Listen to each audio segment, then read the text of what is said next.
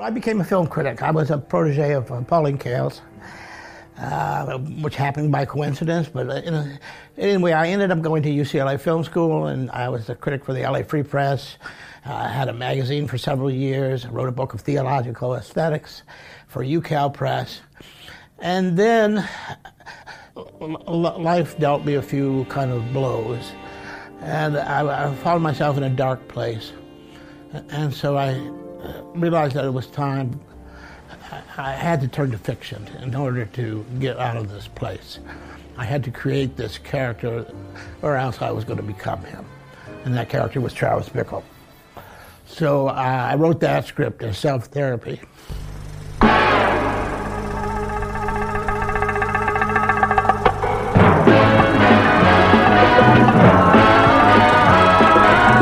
When it comes to entertainment, you can't beat a good film.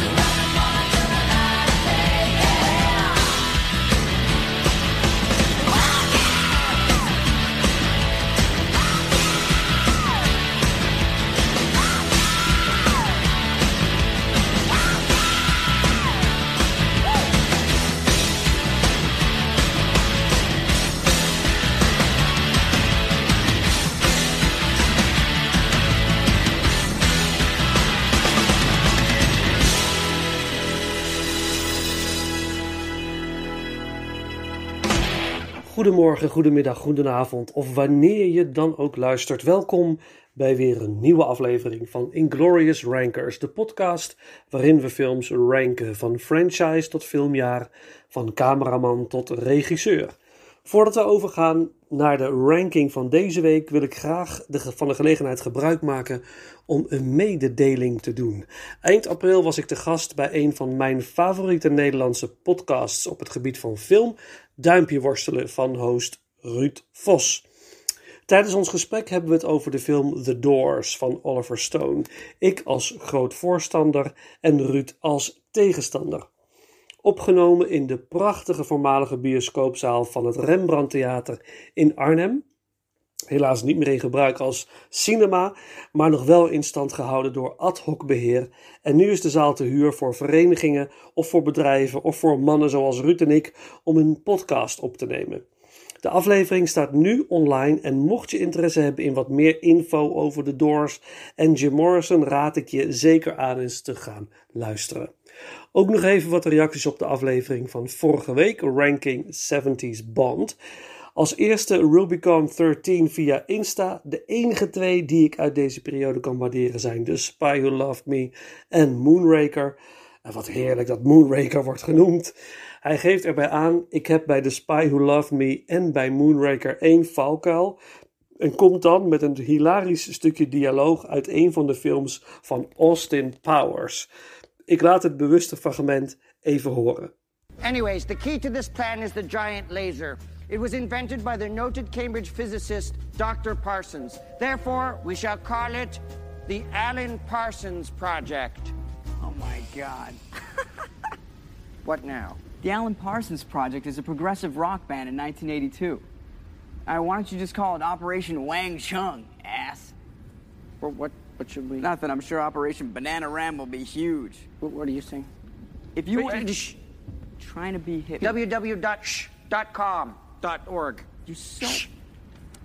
Ook via Insta reageert Michels Filmhuis op een post van Live and Die.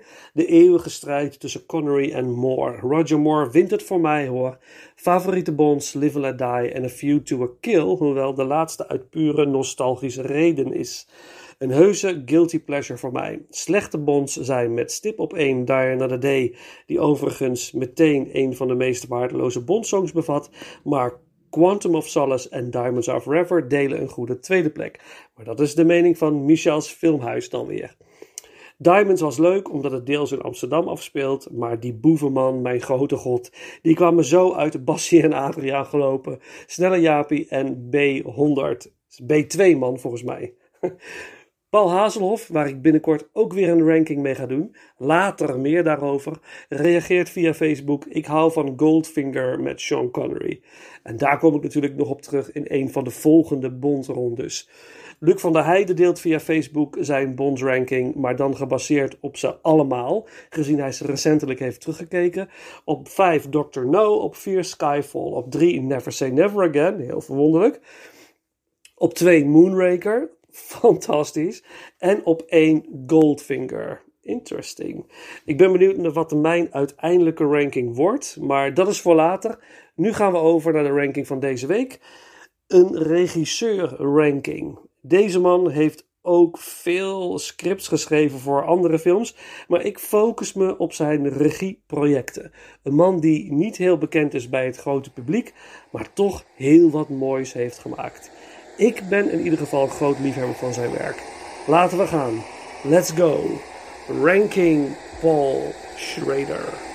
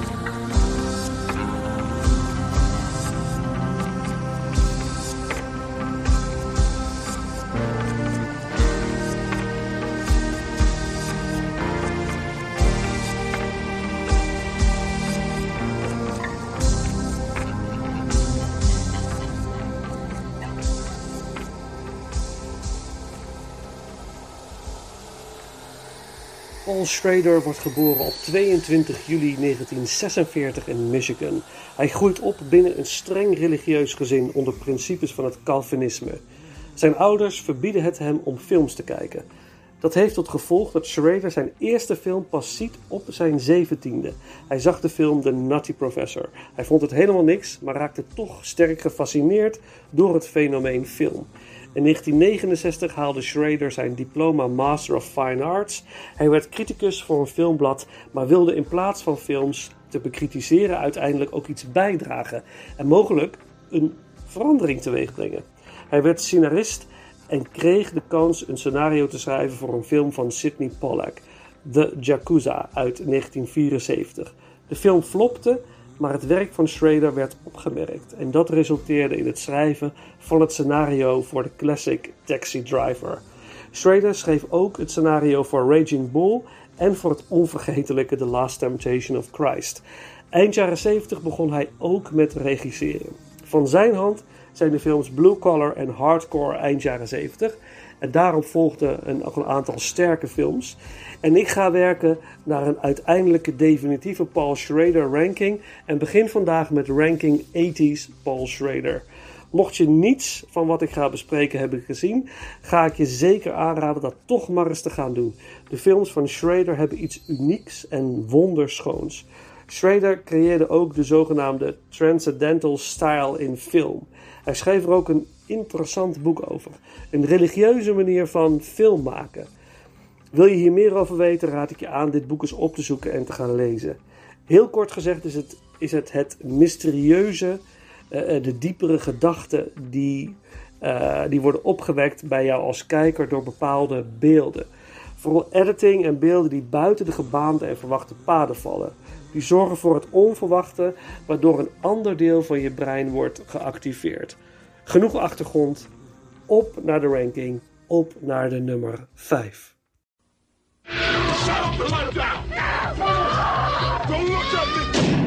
Please, God, don't bury me. In 1974, a series of shocking incidents inspired a media circus. There's a revolution going on in this country. 11:45 this morning, there was a bank robbery at the First Hibernia Bank of San Francisco. Witnesses But allege- what actually happened could only have been known by one person. What are you gonna do to me? Take off your blindfold. Now, 14 years later, her story is about to be told. Welcome. You're now a guerrilla fighter in the Symbionese Liberation Army. Hattie Hearst. I finally figured out what my crime was. I lived. Big mistake. Hattie Hearst. De nummer 5, Patty Hearst uit 1988. Patty Hearst werd op jonge leeftijd in 1974 ontvoerd door leden van het Symbionese Liberation Army.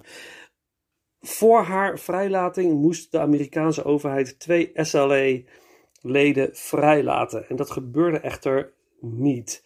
Daarop volgde een nieuwe eis. De ouders van Patty, die miljonair, miljonair waren, moesten 70 dollar aan, aan alle arme gezinnen in de Bay Area geven.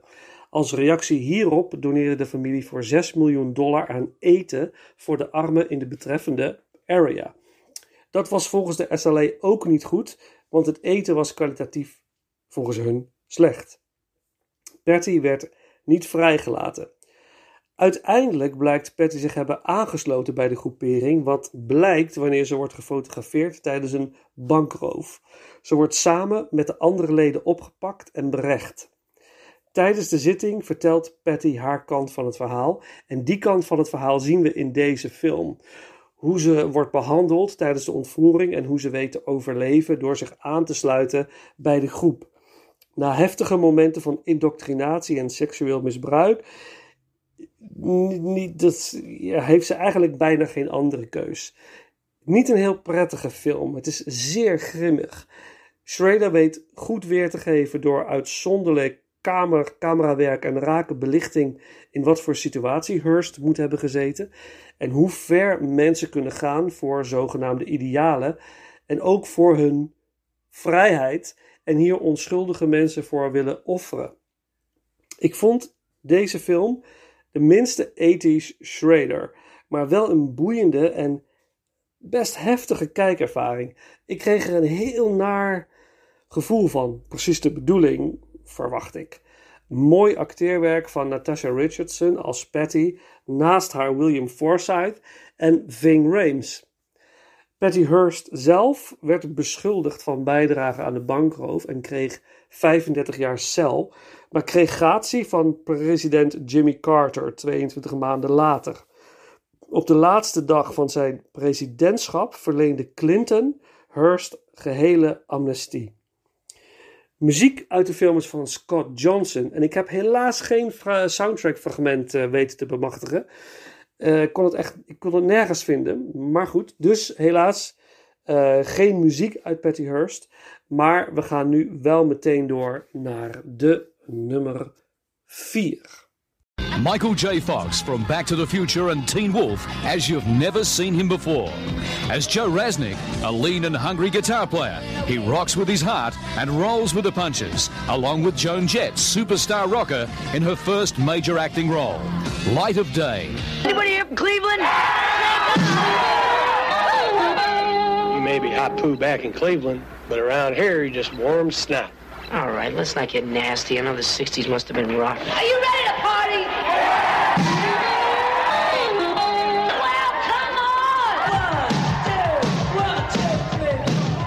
Brother and a sister who work to keep their dreams alive. A good singer, Joey. Fight to keep their family together. I know that you know who the father is, too, Joe. You do know it. Uh, you don't know me. I don't know. I don't want to know. I'm trying to live in the present. Rock with their hearts and roll with the punches. She's trying to destroy us, Joey. Music is all that matters. Do what you want with your life.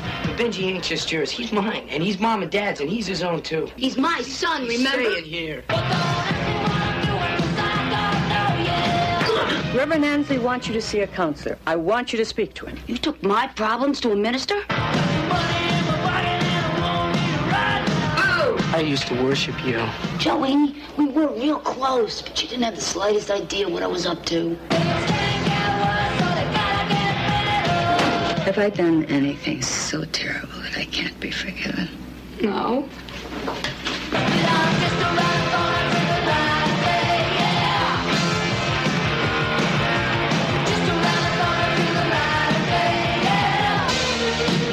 Michael J. Fox, Jenna Rollins, Joan Jett in a Paul Schrader film, Light of Day.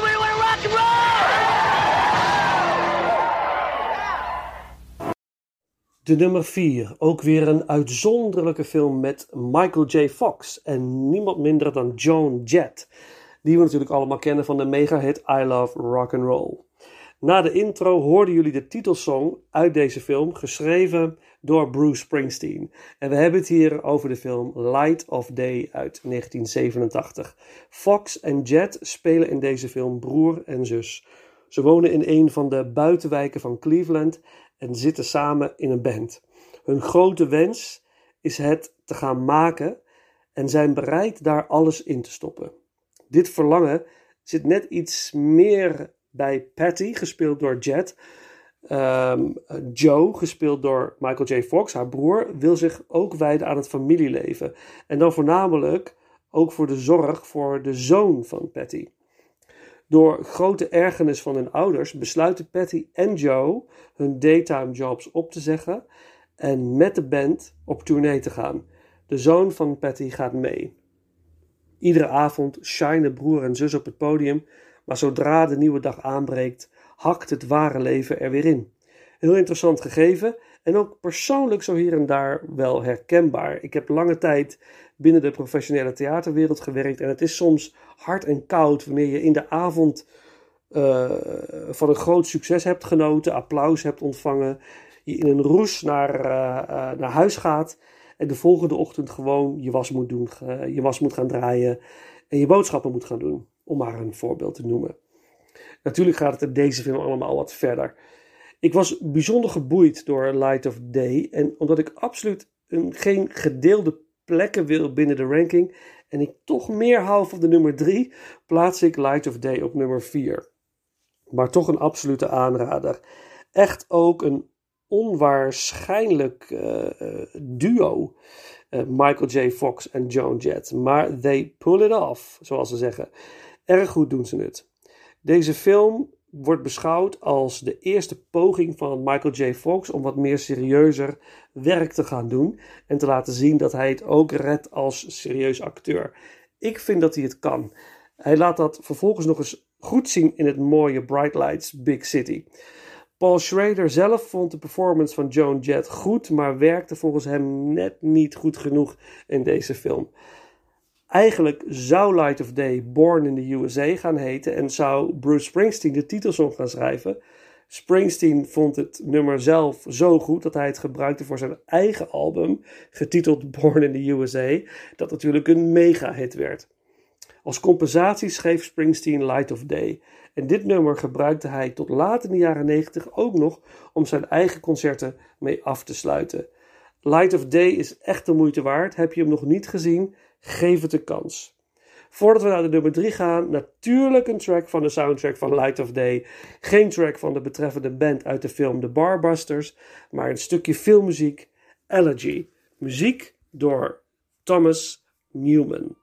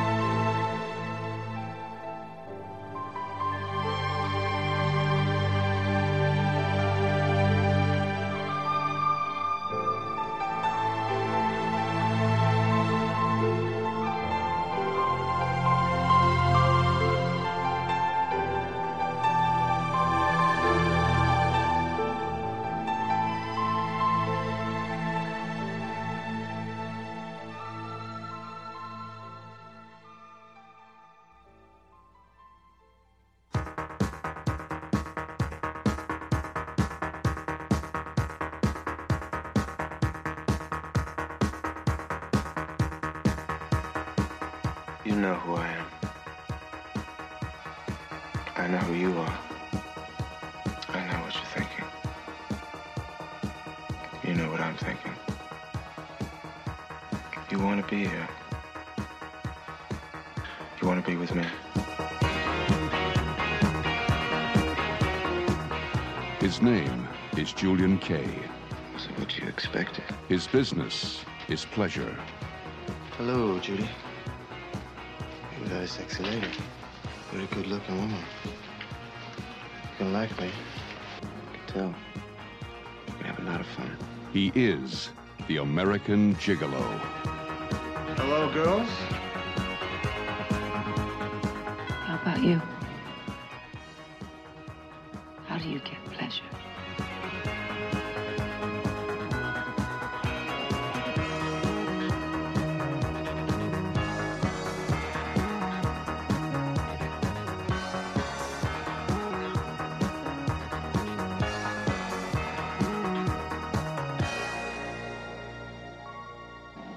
Do you do it, Julian?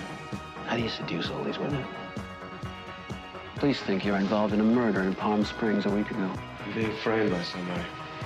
Don't know who. You've been identified, Julian. I am in deep trouble. I think you're guilty of sin.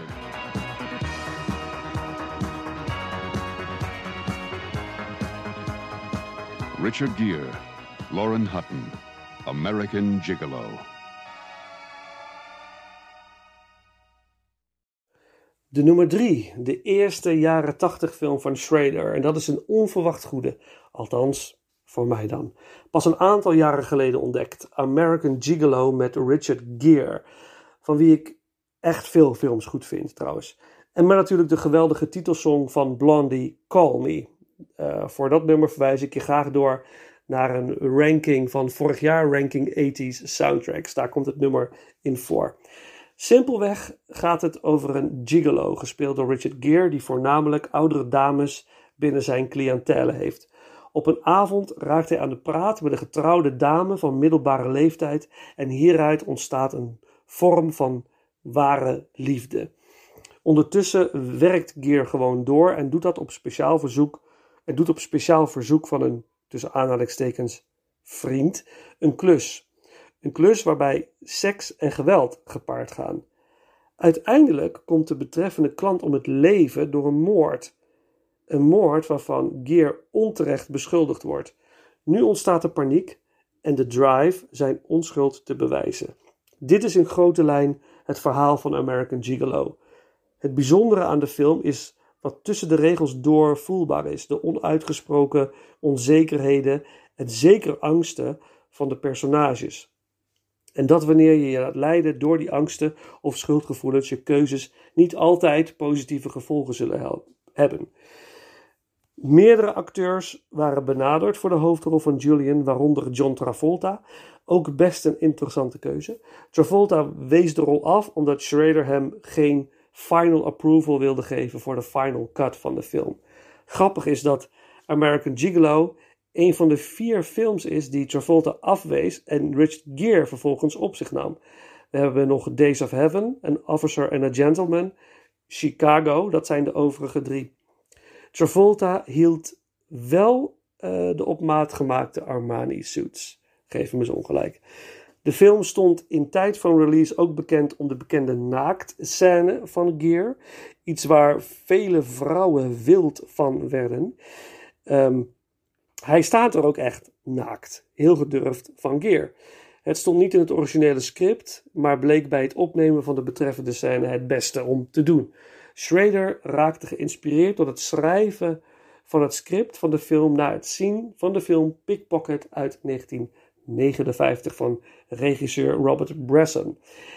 Hij schreef het script al in 1976 in een soort schrijversrush, tezamen met Taxi Driver en Blue Collar. Ik vind American Gigolo echt geweldig. Lang uitgesteld om eens te gaan kijken, maar ik was hooked vanaf de eerste minuut tot de laatste. Geweldige film. Eentje om vaker terug te zien.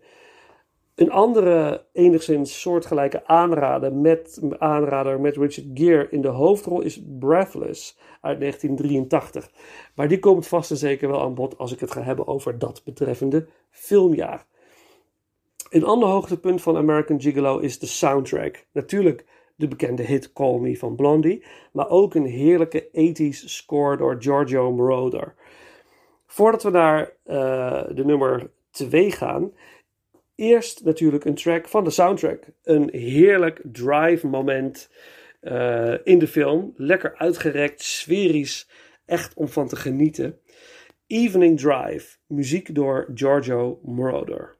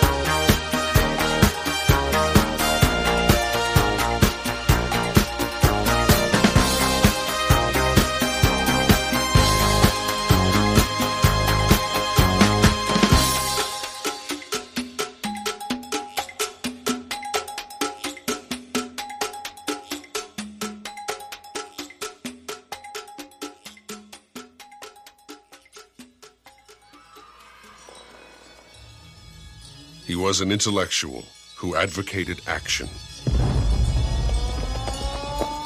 He was a rebel who fought for tradition. He was an artist who shocked the world. Francis Ford Coppola and George Lucas present a new film by Paul Schrader. Mishima.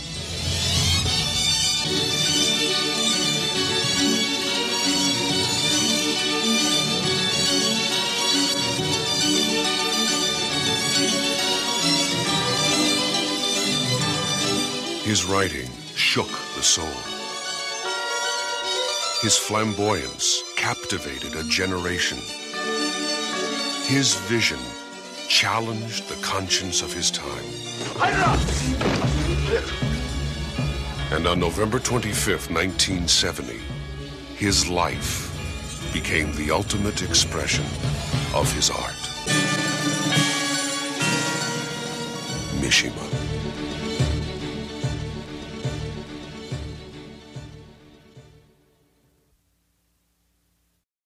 In 1985 brengt Schrader voor velen zijn meesterwerk uit, Mishima, Alive in Four Chapters, in samenwerking met niemand minder dan George Lucas en Francis Ford Coppola. De film vertelt in niet-lineaire stijl het levensverhaal van Yukio Mishima, geboren op 14 januari en gestorven op 25 november 1970. Mishima was een bijzondere man, een creatieve en gekwelde geest. Hij leefde voor een ideaal en kon dat op geen enkele manier loslaten. Een leven vol van een zekere passie, kun je zeggen. Hij schreef verschillende boeken en toneelstukken. Zijn werken bevatten homoerotische en masochistische tinten. In 1967 zette hij een eigen privéleger op om naar eigen zeggen de keizer en zijn idealen te beschermen. Hij verzette zich ook hevig tegen de invloed van Amerika op de Japanse cultuur. Op 25 november 1970 pleegde Mishima seppuku, een traditionele vorm van zelfmoord, afkomstig van de samurai. Dit doe je door het opensnijden van de buik en het toebrengen van een snee in het hart. Vervolgens werd Mishima onthoofd naar eigen keuze door een van zijn mannen. Mishima, de film is, laten we zeggen, quite the experience. En op een overweldigende manier vormgegeven, bijzonder goed geacteerd, met een haunting score door Philip Glass.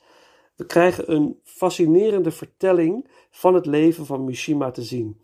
In Japan zelf is de film nooit uitgebracht. Er is wel was wel het plan uh, de film te releasen in 1985, maar door vele dreigingen, waaronder bommeldingen, werd hiervan afgezien. Voor velen in Japan is het zo dat ze Mishima erkennen als een belangrijk historisch figuur, maar vanwege zijn ook radicale ideeën is het ook moeilijk om hem te beschouwen als een nationale held. En dit ervaar je ook wel als kijker, die, die tweestrijd. Je begrijpt zijn keuzes enigszins, maar ziet ook de gekwelde geest, die misschien niet altijd de beste keuzes maakt binnen de heftige emoties die hij ervaart. Mishima is een bijzondere film, uniek in de filmgeschiedenis. Een bijzonder werk zoals je zelden zult zien of ervaren. De vormgeving is waanzinnig en compleet onverwacht. Paul Schrader zelf ziet Mishima als zijn beste regiewerk. Mocht je Mishima Alive in Four Chapters niet hebben gezien, dan raad ik dit ten zeerste aan te gaan doen. Ga er goed voor zitten, want je krijgt iets te zien wat je vervolgens denk ik niet meer te zien zult krijgen. Ik vertelde net al over de haunting score door Philip Glass. Laten we een track gaan beluisteren van deze ook al uitzonderlijke soundtrack van de film Mishima Alive in Four Chapters. Temple of the Golden Pavilion, muziek door Philip Glass.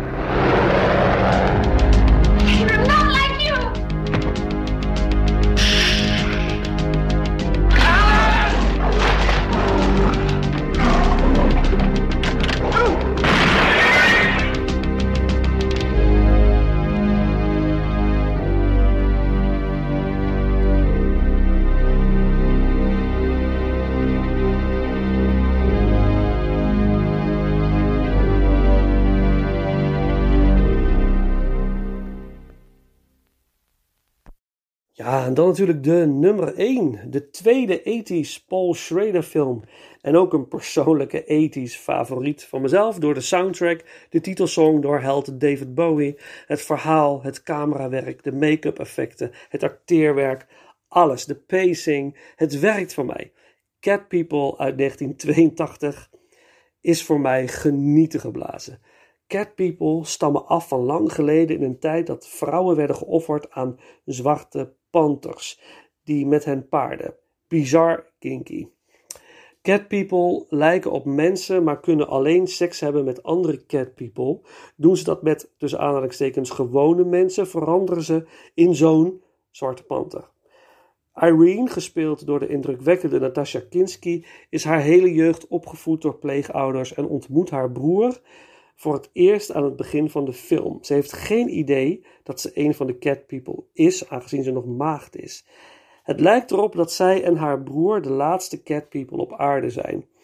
Irene leert langzaam kennen wat haar origin is en maakt ook een sexual awakening door, met alle bizarre gevolgen van dien.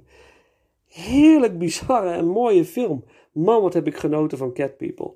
Paul Schrader heeft weer voortreffelijk werk afgeleverd. Hij had een affaire tijdens de opnames met hoofdrolspeler Natasha Kinski. Schrader werd hopeloos verliefd en bereidde een huwelijksaanzoek voor, voor op het slotfeest na de productie. Echter kwam Kinski niet opdagen tijdens dit feestje en kon Schrader haar ook niet meer vinden. Ze verbrak ook alle contact met hem. En uiteindelijk vond hij haar in Parijs en daar vertelde ze hem het volgende: Paul, I always fuck my directors, and with you it was difficult. Cat People is een remake van de gelijknamige film uit 1942. Schrader kreeg een bewerkt script op, gebaseerd op deze film, maar schreef toch een meer kinky gewaagde eigen versie. In deze film zitten tussen de regels door natuurlijk zit natuurlijk veel interessants tussen de regels door, zoals die seksuele ontwakening. Er is veel te ontdekken en te genieten in Cat People. Naast Natasha Kinski is er een rol voor de altijd charismatische Malcolm McDowell als de broer en voor onder andere John Hurt met E-A-R-D en Annette O'Toole. Een leuke hint naar de volgende film van Schrader vind je in een scène waarin kort wordt ingezoomd op het nachtkastje van Oliver, gespeeld door John Hurt. Op dat kastje ligt het boek Mishima, A Biography. Natasha Kinski is natuurlijk de dochter van de grote, geniale mafkees Klaus Kinski, die drie jaar voor Cat People ook een Creature of the Night speelde, Nosferatu the Vampire in 1979. De soundtrack is in handen van Giorgio Moroder. En we hoorden aan het begin van de aflevering al een stukje van de soundtrack met muziek door Moroder in samenwerking met Bowie. Ehm, nu een andere track van de soundtrack. Een track volledig van Moroder, instrumentaal, Irina's Theme.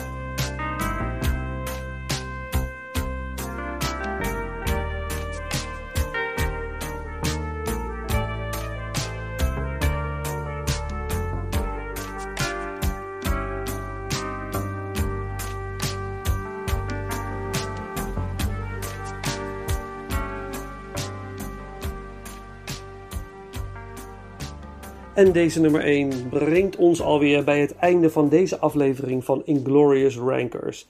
Laat me weten wat jouw 80s Paul Schrader ranking is en ik neem me mee naar een volgende aflevering. Dat kan natuurlijk via de bekende social media kanalen. Ik ben benieuwd. De komende twee weken speciale vakantieafleveringen. Vorig jaar was dat rond deze tijd Ranking 80s Soundtracks. En dit jaar wordt het Ranking 80s Movie Songs. Aflevering 1, de top 10 van 1980 tot en met 1984. En de tweede aflevering, de top 10 van 1985 tot en met 1989. Natuurlijk ben ik ook benieuwd naar jouw 80s Movie Songs ranking. Deel het met me via de gebruikelijke social media kanalen. En we sluiten deze aflevering af met hoe kan het ook anders? Een track van David Bowie, de track Cat People Putting Out Fire van de soundtrack van onze nummer 1 van deze week, Cat People uit 1982. Beste mensen, voor nu bedankt voor het luisteren en tot de volgende ronde.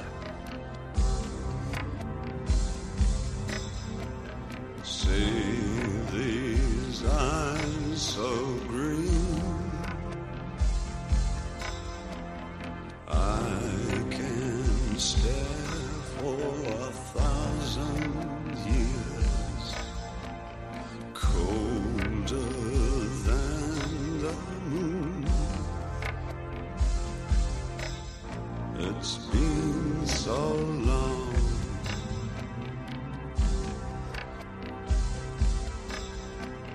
Feel my blood enraged. It's just